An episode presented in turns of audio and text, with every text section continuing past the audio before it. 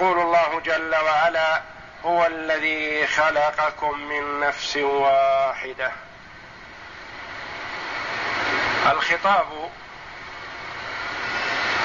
خلقكم لعموم الخلق. هو الذي خلقكم هو أي الله وحده. هو الذي خلق الخلق. خلقهم من نفس واحدة.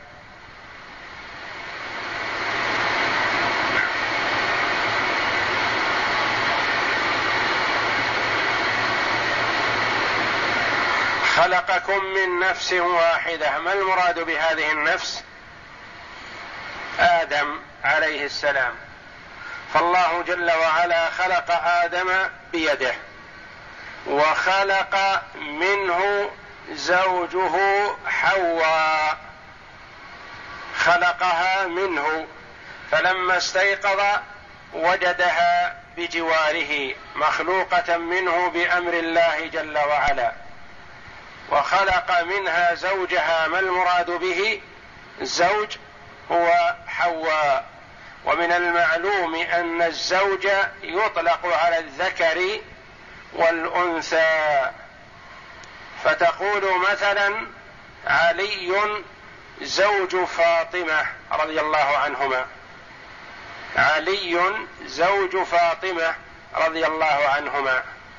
وتقول عائشة زوج النبي صلى الله عليه وسلم.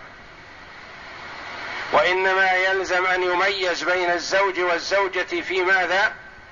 في الفرائض. أما في غيرها فتقول عائشة زوج النبي صلى الله عليه وسلم ورضي الله عنها. فكلمة زوج يطلق على الذكر والأنثى ولهذا قال وخلق منها زوجها. والمراد بهذا الزوج المخلوق من هو؟ هي حواء عليها السلام. وخلق منها زوجها ليسكن إليها. هذا على سبيل التفضل والامتنان. فالله جل وعلا يتفضل على خلقه بأنه هو الذي خلقهم وخلق لهم ما يأنسون به ويسكنون إليه. والعلاقة بين الزوجين كما قال بعض المفسرين لا علاقة أوثق بين روحين من علاقة زوجين. وخلق منها زوجها لماذا؟ ليسكن إليها ليستريح بها ويستأنس بها. ويطمئن إليها. فالمرء إذا كانت زوجه بجواره رجلا كان أو امرأة أنس كل واحد منهما بصاحبه وارتاح إليه.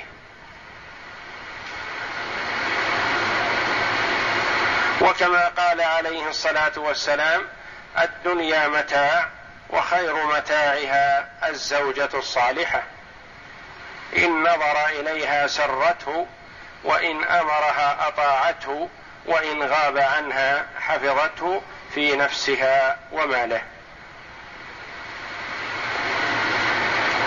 وخير ما اكتسب المرء بعد تقوى الله زوجة صالحة. ليسكن إليها فلما تغشاها.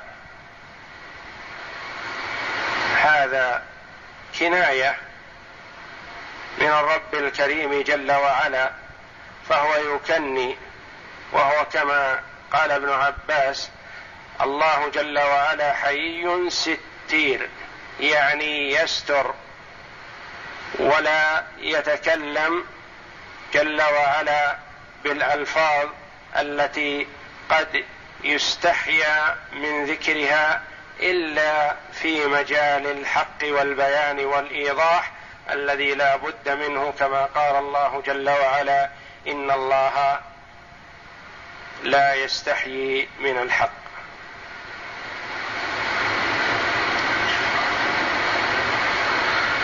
تغشاها كناية عن أنه جامعها أو علاها. فلما تغشاها حملت. فلما تغشاها تغشى الزوج زوجته. حملت حملا خفيفا. أول مبدأ الحمل يكون خفيفا ويمضي وقت والمرأة لا تدري اهي حامل أم لا لأنه لا يثقلها ولا تدري عنه. حملت حملا خفيفا فمرت به يعني استقرت به. أو قامت به وقعدت لخفته وسهولته وعدم المشقة في أول الأمر. فلما أثقلت ارتفع الحمل وبان وثقل عليها حمله. دعوا الله ربهما الزوج والزوجة بعد وجود الحمل وتبينه وظهوره تعلوهما وتنتابهما الشفقة والخوف والرغبة والرهبة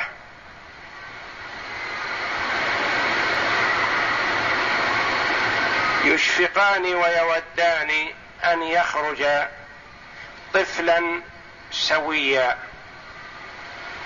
لا عاهة فيه ولا نقص.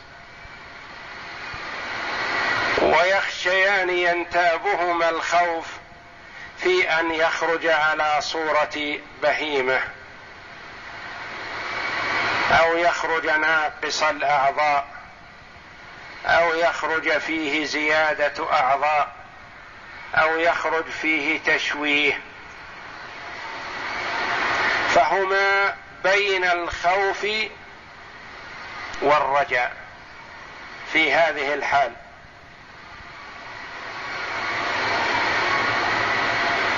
دعوا الله ربهما الزوج والزوجة لأنه منسوب إليهما. وصلاحه واستقامته لهما وحسن مظهره لهما وعدم الاستقامة منه عليهما ضرره وخروجه مشوه أو غير سليم الأعضاء أو فيه ما يلفت النظر من قبح أو تشويه أو زيادة أو نقص أو ضعف عقل أو غير ذلك من العيوب يضرهما ويسيء إليهما. فلذا هما بعد تبين الحمل على خوف ووجل تنتابهما الرغبه والرهبة. فلذا يضرعان إلى الله ويتوجهان إليه بالدعاء. دعوا الله ربهما لئن آتيتنا صالحا. مولودا سويا مستقيما. مستقيم الخلق. لنكونن من الشاكرين. يعدان من أنفسهما خيرا بأنهما إن أعطيا ولدا ذكرا كان أو أنثى سليما من العاهات والمصائب والأمراض فإنهما يشكران الله على ذلك. دعوا الله ربهما الأبوان. لئن آتيتنا أعطيتنا صالحا لنكونن من الشاكرين.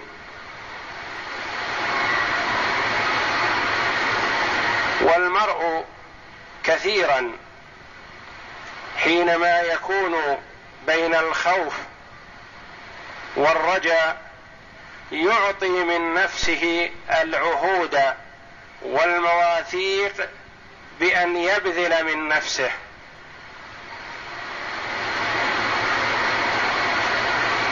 لكن الذي يفي من الناس قليل الذي يفي بالعهد. وإلا لو أخذ العهد على المرء قبل أن يحصل على الشيء لاعطى كل ما يطلب منه. لو قيل له إذا تحصلت على كذا من العلم ماذا تبذل من نفسك؟ لقال خيرا. ولالتزم بما يستطيعه. ولو قيل له لو أعطيت من المال كذا وملكت كذا ماذا تتصدق به؟ لوعد خيرا والتزم بالشيء الكثير. ولو قيل له هذا الحمل الذي في بطن امرأتك إذا خرج ولدا سويا ذكرا ماذا تبذل من نفسك؟ لبذل الشيء الكثير. لكنه حينما يحصل له ذلك فضل من الله وإحسان تجده يتصور هذا الشيء أمر عادي وأنه ما ميز بكثير. ينسى أو يجحد نعمة الله عليه. فهذان الأبوان حال الخوف والوجل والرغبة والرهبة يتضرعان إلى الله جل وعلا بأنه إن رزقهما ولدا سويا ذكرا كان أو أنثى ليشكرانه على ذلك.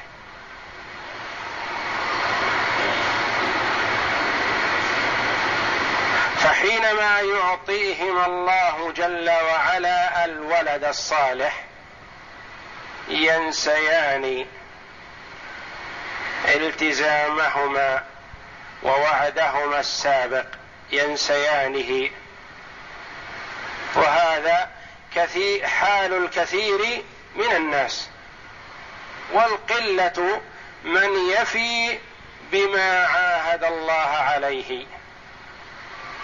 القلة من يفي والكثير من ينسى ويجحد نعمة الله عليه. فلما آتاهما صالحا جعلا له شركاء فيما آتاهما. الله جل وعلا هو المعطي وحده ويجعلان له شريكا غيره ما أعطى وما استط... وما نفع بشيء. فلما آتاهما صالحا جعلا له جعلا لله جعلا له شريكا فيما آتاهما. فلما أعطاهما الله جل وعلا ما طلبا وما تضرعا إليه به لم يخلصا فيما بعد. بل أشركا مع الله غيره من لا ينفع ولا يضر. فلما آتاهما صالحا جعلا له شركاء فيما آتاهما فيما أعطاهما. فتعالى الله تقدس وتعاظم. وارتفع جل وعلا عما أشرك به المشركون. فتعالى الله عما يشركون. ثم نعلم أن هذه الآية أولها وصدرها بلا شك أنه في آدم عليه السلام وحواء. ثم التفت الكلام منهما إلى ذريتهما. وهذا قول كثير من محقق المفسرين رحمهم الله. الكلام الأول في آدم وحواء.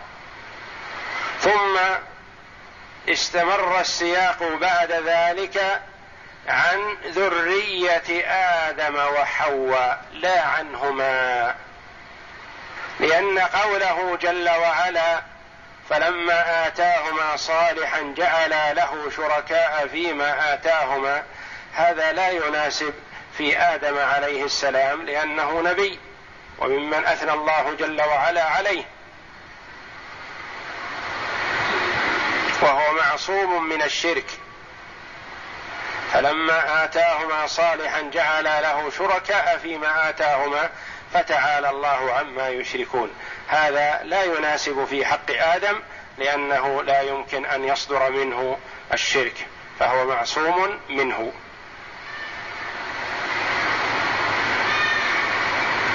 اذا فأول الكلام في آدم وحواء ثم بعد ذلك التفت إلى الكلام عن ذريتهما. كما قال كثير من المفسرين هذا في اليهود والنصارى وبعضهم قال في اليهود أو في النصارى أو في المشركين.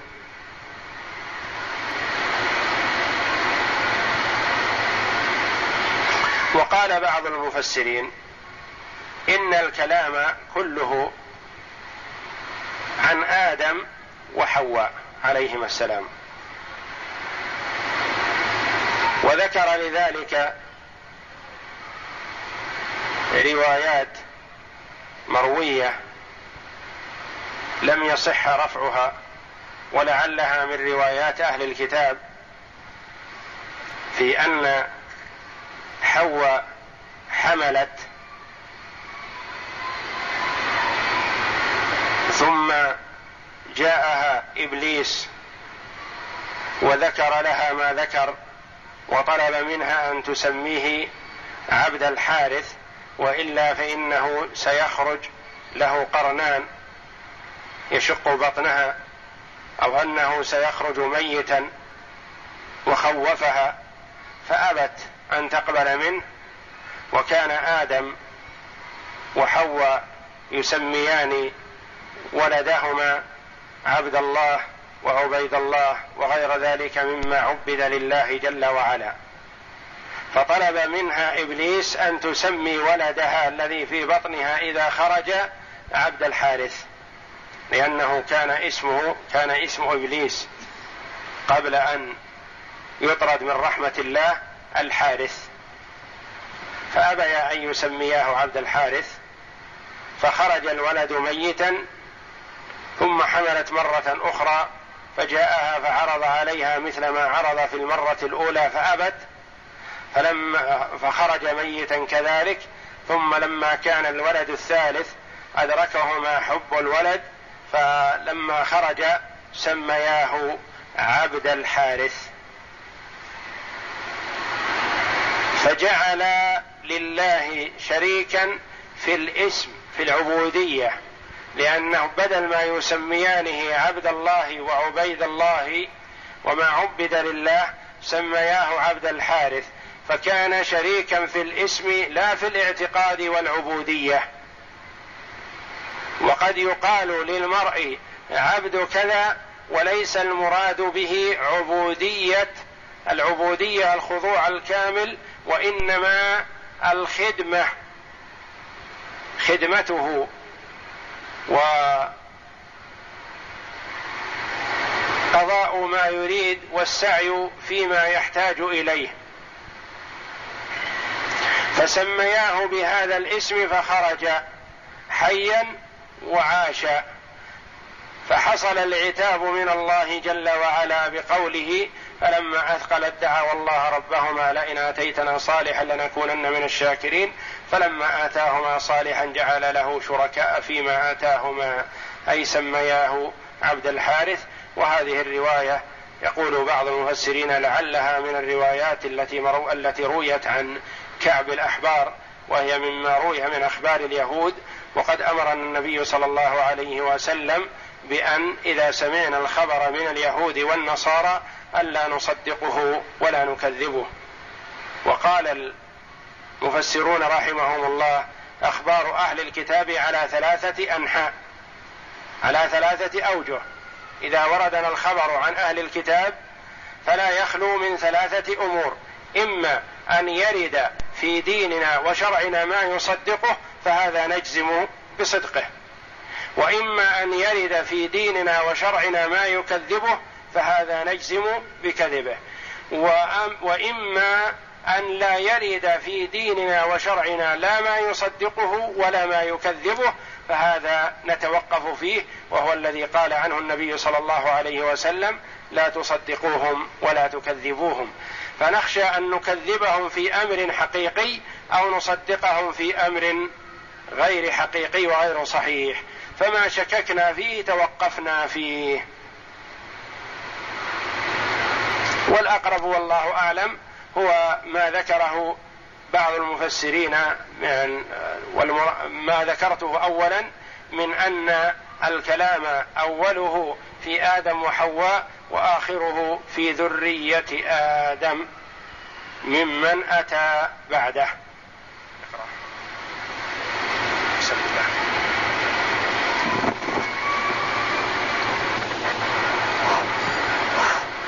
أعوذ بالله من الشيطان الرجيم.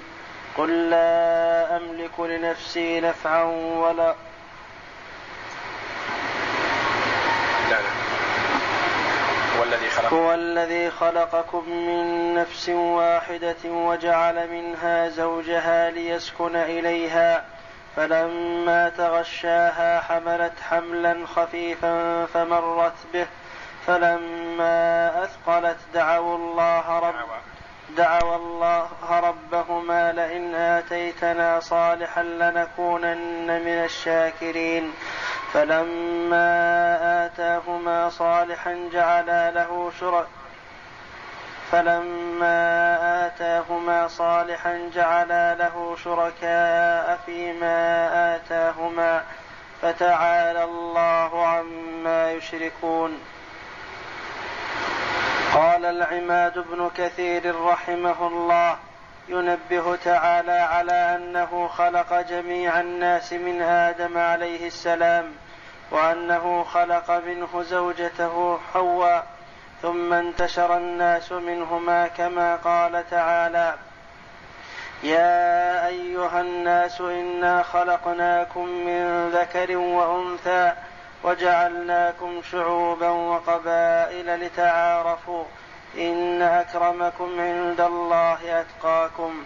وقال تعالى يا أيها الناس اتقوا ربكم الذي خلقكم من نفس واحدة وخلق منها زوجها الآية.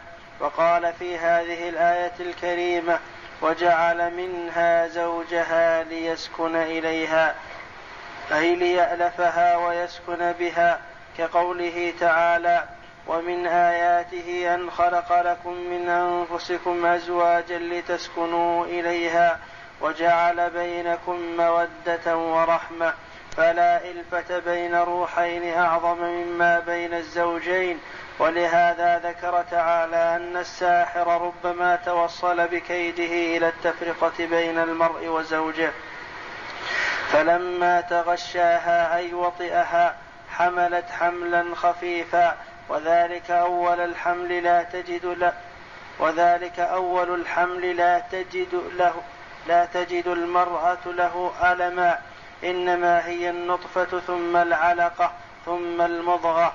وقوله فمرت به قال مجاهد استمرت بحمله. وروي عن الحسن وإبراهيم النخعي والسدي نحوه نحوه. نحوه وروي وروي عن الحسن وإبراهيم النخعي والسدي نحوه وقال ميمون بن مهران عن أبيه استخفت وقال أيوب سألت الحسن عن قوله فمرت به قال لو كنت رجلا عربيا لعرفت ما, لعرفت ما هي إنما هي فاستمرت به. وقال قتاده فمرت به استبان حملها.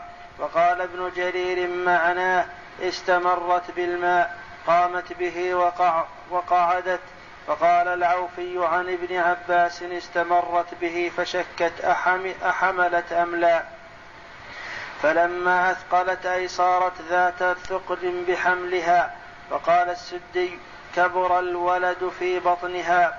دعوا الله رب دعوا الله ربهما لئن آتيتنا صالحا.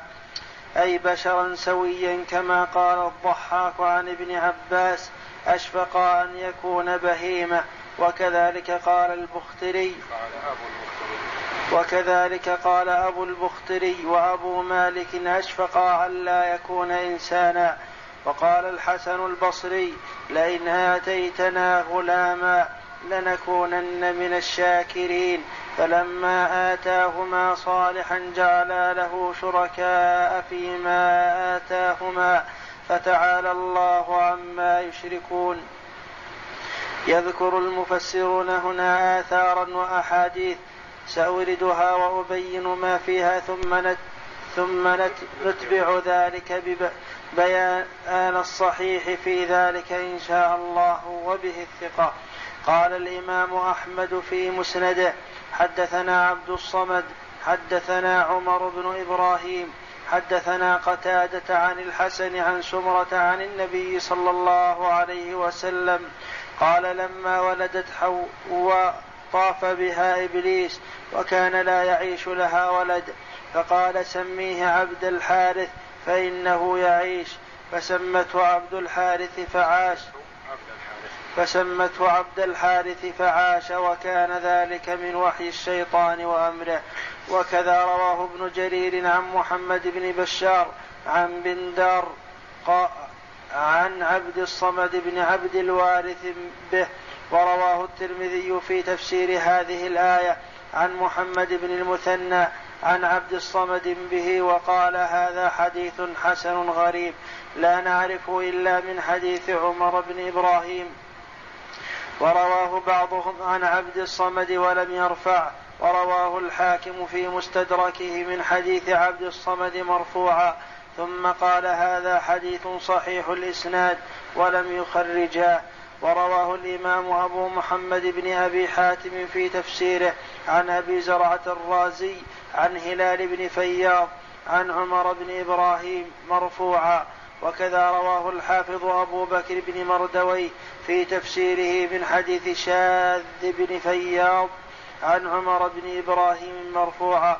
قلت وشاذ هو هلال وشاذ لقبه والغرض أن هذا الحديث معلول من ثلاثة أوجه. أحدها أن عمر بن إبراهيم هذا هو البصري وقد وثقه ابن معين. ولكن قال أبو حاتم الرازي لا يحتج به ولكن لسمرة سمرة, سمرة. نفسه ليس مرفوعا. كما قال ابن جرير حدثنا ابن عبد الأعلى حدثنا المعتمر عن أبيه حدثنا بكر بن عبد الله عن سليمان التيمي عن أبي العلاء بن الشخير عن سمرة ابن جندب قال سمى آدم ابنه عبد الحارث. الثالث أن الحسن نفس. أن الحسن نفسه. أن الحسن نفسه فسر الآية بغير هذا فلو كان هذا عنده عن سمرة مرفوعا لما عدل عنه. قال ابن جرير حدثنا ابن وكيع حدثنا سهل بن يوسف عن عمرو عن الحسن جعل له شركاء فيما آتاهما. قال كان هذا في بعض أهل الملل ولم يكن بآدم. وحدثنا محمد بن عبد الأعلى حدثنا محمد بن ثور عن معمر قال قال الحسن عنا بها عنا بها ذرية آدم ومن أشرك منهم بعده يعني جعلا له شركاء فيما آتاهما. وحدثنا بشر حدثنا يزيد حدثنا سعيد عن قتادة قال كان الحسن يقول هم اليهود والنص هم اليهود والنصارى. رزقهم الله أولادا فهودوا ونصروا. وهذه أسانيد صحيحة عن الحسن رضي الله عنه أنه فسر الآية بذلك وهو من أحسن التفاسير وأولى ما حملت عليه الآية. ولو كان هذا الحديث عنده محفوظا عن رسول الله صلى الله عليه وسلم لما عدل عنه هو ولا غيره. ولا سيما مع تقواه لله وورعه وورعه فهذا يدلك على أنه موقوف على الصحابي ويحتمل أنه تلقاه من بعض أهل الكتاب من آمن منهم مثل كعب أو وهب بن منبه وغيرهما كما سيأتي بيانه إن شاء الله إلا أننا برئنا من عهدة المرفوع والله أعلم. فأما الآثار فقال محمد بن إسحاق بن يسار عن داود بن الحصين عن عكرمة بن عن ابن عباس قال كانت حواء تلد لآدم عليه السلام وأولادا فيعبدهم لله ويسميهم عبد الله وعبيد الله ونحو ذلك فيصيبهم الموت فأتاهما إبليس فقال إنكما لو سميتماه بغير الذي تسميانه به لعاش. قال فولدت له رجلا فسماه عبد الحارث ففيه أنزل الله يقول هو الذي خلقكم من نفس واحدة. إلى قوله جعل له شركاء فيما آتاهما. إلى آخر الآية. وقال وقال العوفي عن ابن عباس قوله في آدم هو الذي خلقكم من نفس واحدة. إلى قوله فمرت به شكت أحملت أم لا؟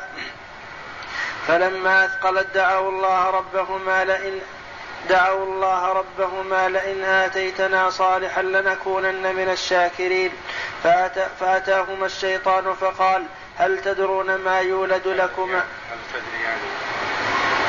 فأتاهما الشيطان فقال هل تدريان ما يولد لكما أم هل تدريان ما يكون أبهيمة أم لا وزين لهما الباطل إن إنه غوي مبين.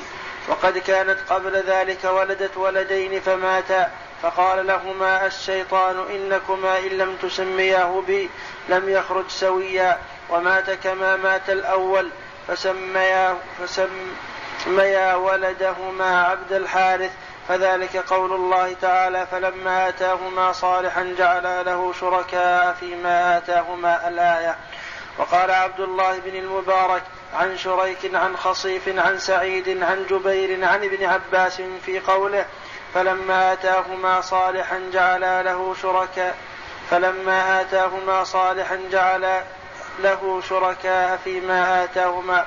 قال قال الله تعالى هو الذي خلقكم من نفس واحدة وجعل منها زوجها ليسكن إليها فلما تغشاها آدم حملت فأتاهما إبليس لعنه الله فقال إني صاحبكما الذي أخرجتكما من الجنة لتطيعاني أو لأجعلن له قرني أيل فيخرج من بطنك فيشقه ولا أفعلن ولا أفعلن يخوفهما. فسمياه عبد الحارث فأبيا أن يطيعا فخرج ميتا ثم حملت الثانية فأتاهما أيضا فقال أنا صاحبكما الذي فعلت ما فعلت. لتفعلن أو لأفعلن يخوفهما فأبيا أن يطيعاه فخرج ميتا ثم حملت الثالثة فأتاهما أيضا فذكر لهما فأدركهما حب الولد فسمياه عبد الحارث فذلك قوله تعالى جعل له شركاء فيما آتاهما رواه ابن أبي حاتم. وقد وهذه الآثار. وهذه الآثار يظهر عليها والله أعلم أنها من آثار أهل الكتاب. وقد صح الحديث عن رسول الله صلى الله عليه وسلم أنه قال إذا حدثكم أهل الكتاب فلا تصدقوهم ولا تكذبوهم ثم أخبار ثم أخبارهم. ثم أخبارهم على ثلاثة أقسام فمنها ما علمنا صحته بما دل عليه الدليل من كتاب الله أو سنة رسوله ومنها ما علمنا كذبه بما دل على خلافه من الكتاب والسنة أيضا ومنها ما هو مسكوت عنه فهو المأذون في روايته بقوله عليه السلام حدثوا عن بني إسرائيل ولا حرج وهو الذي لا يصدق ولا يكذب لقوله فلا تصدقوهم ولا تكذبوهم وهذا وهذا الأثر هو من القسم الثاني أو الثالث وهذا الأثر هو من القسم الثاني أو الثالث فيه نظر. فأما من حدث به من صحابي أو تابعي فإنه يراه من القسم الثالث. والذي لا يصدق ولا يكذب نعم. وأما نحن فعلى مذهب الحسن البصري رحمه الله في هذا وأنه ليس المراد من هذا السياق آدم وحواء وإنما المراد من ذلك المشركون من ذريته. ولهذا قال الله فتعالى الله عما يشركون. ثم قال فذكر آدم وحواء اولا كالتوطئة لما بعدهما من الوالدين وهو كالاستطراد من ذكر الشخص إلى الجنس كقوله ولقد زينا السماء الدنيا بمصابيح الآية ومعلوم أن المصابيح وهي النجوم التي زينت بها السماء ليست هي التي يرمى بها وإنما هذا استطراد من شخص المصابيح إلى جنسها. ولهذا نظائر في القرآن والله أعلم.